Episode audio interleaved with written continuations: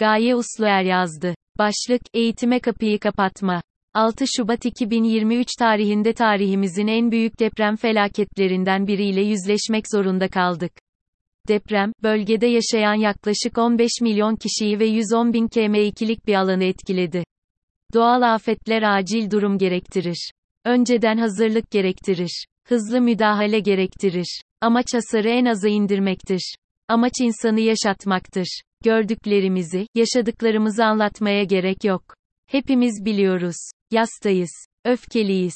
Hali hazırda 40 bini aşkın insan canını yitirdi. 100 bini aşkın yaralımız var, göçük altında kalan canların sayısı ise henüz meçhul. Deprem sonrası 12. gündeyiz. Yastayız. Öfkeliyiz.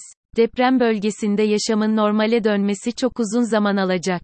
Yaralar kapanmayacak elbet. Ancak yaşamın sürdürülebilirliğini sağlamak, ekonomik kayıpların azaltılması öncelikler arasında. Yaşamın sürdürülebilirliğinin sağlanmasının öncelikli koşulu ise güvenli, sürdürülebilir barınma koşullarının hızla sağlanabilmesi. Hükümet öncelikli olan barınma sorununa ilişkin çözüm önerisini 11 Şubat günü duyurdu. Depremzedeler KYK yurtlarında kalacak. Emir büyük yerden olunca, olur mu olmaz mı tartışması ertelenerek, ilk iş olarak öğrencilerin eşyaları siyah çöp torbalarına dolduruldu, yurt koridorlarına konuldu.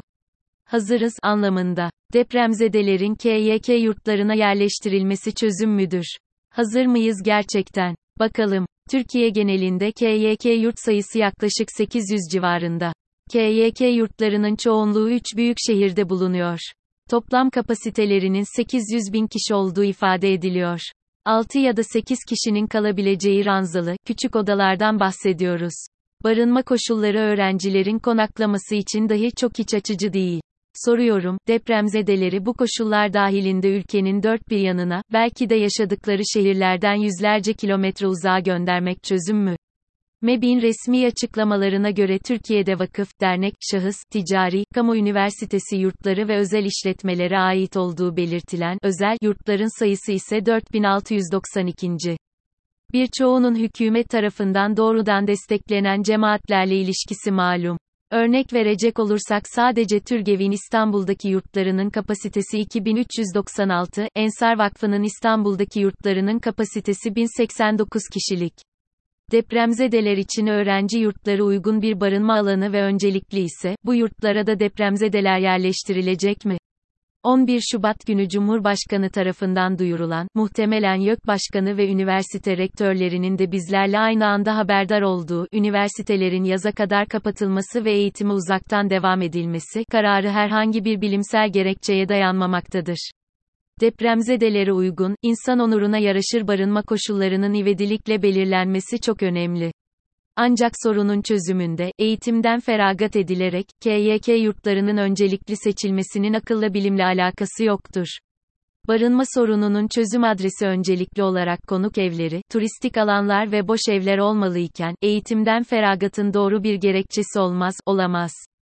YÖK Başkanı ise, bütün çabamız normalleşmenin en kısa zamanda tamamlanmasınadır. Ön lisans, lisans ve lisans üstünde bahar dönemi ile sınırlı olmak kaydıyla bazı kararlar alındı. Bu kararları alırken uzman ve bilim insanlarımızla, STK'larla gerekli değerlendirmelerde bulunduk. Alınan kararlar Nisan ayı başında yeniden gözden geçirilecek. Hibrit öğretim seçeneği de değerlendirilecek. Diyerek alınan karardan farklı düşüncesi olmadığını belirtti.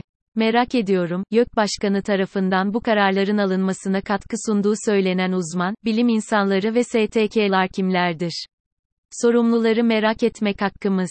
YÖK'ün resmi verilerine göre deprem bölgesinde uzaktan eğitim dahil 311.614 kişi üniversite öğrencisi mevcut.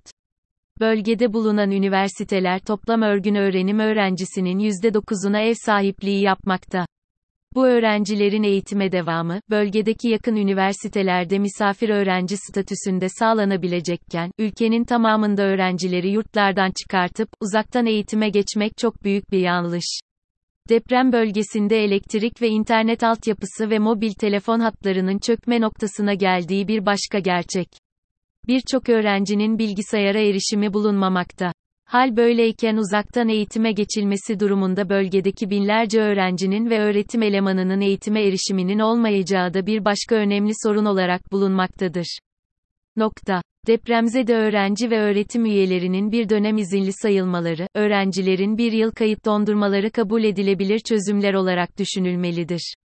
KYK yurtlarını öğrencilerin elinden almak, tüm üniversiteleri çevrim içi eğitime mahkum etmek ise tek kelimeyle iş bilmezliktir. Yakın zamanda, pandemi sürecinde zorunlu olarak uzaktan eğitim deneyimini yaşadık. Yetersizliğini, oluşturduğu sorunları pandemi sonrası yeniden örgün eğitime geçtiğimizde deneyimledik. Bugün durum çok farklı. Ülke genelinde uzaktan eğitim zorunluluğu oluşturacak bir neden bulunmuyor. Ülkemizde yüksek öğretim öğrenci sayısı yaklaşık 7,8 milyon kişi. Üniversitelerin örgün programlarında okuyan öğrenci sayımız ise 6 milyon kişiden oluşuyor. KYK yurtlarında kalan öğrenci sayısı 678.763. 678.763 kişilik barınma alanı oluşturmak için, 5 milyonun üzerindeki öğrencinin eğitiminin aksatılması, çevrim içi eğitime geçilmesi tek kelimeyle izansızlıktır. Depremden etkilenen öğrencilerin eğitim hakkını korumak için bu öğrencilere derslere uzaktan, online, katılım hakkı tanınabilir ve dersler hibrit olarak verilebilir. Hibrit olarak verilebilecek derslere ise bölüm ve fakülte akademik kurulları karar verebilirler. Deprem bölgesinde olmayan üniversitelerin önümüzdeki dönem eğitime hangi formatta devam edecekleri kararı ancak o üniversitelerin senatolarınca alınacak bir karardır. Her üniversitenin koşulu ve o üniversitede okuyan ve depremden etkilenen öğrenci sayısı farklı olduğu için böyle bir karar merkezden alınamamalıdır. Doğal afetlerde eğitimin devam etmesinin önünde çeşitli engeller olabilir. Ancak bir doğal afetle karşılaşıldığında, eğitimden feragat etmek asla öncelik olarak görülmemelidir. Barınma sorununun çözümü gerekçe gösterilerek alınan, tüm ülkede çevrim içi eğitim kararı aceleyle ve düşünülmeden alınmış bir karardır. Bu karardan vazgeçilmediği takdirde, ileride daha büyük sorunlara yol açacaktır. Bu karar gözden geçirilmeli ve derhal geri çekilmelidir. Tüm eğitim kurumları aynı zamanda birer sosyal paylaşım ortamları olarak insanların dayanışma ortamları olarak düşünülmelidir.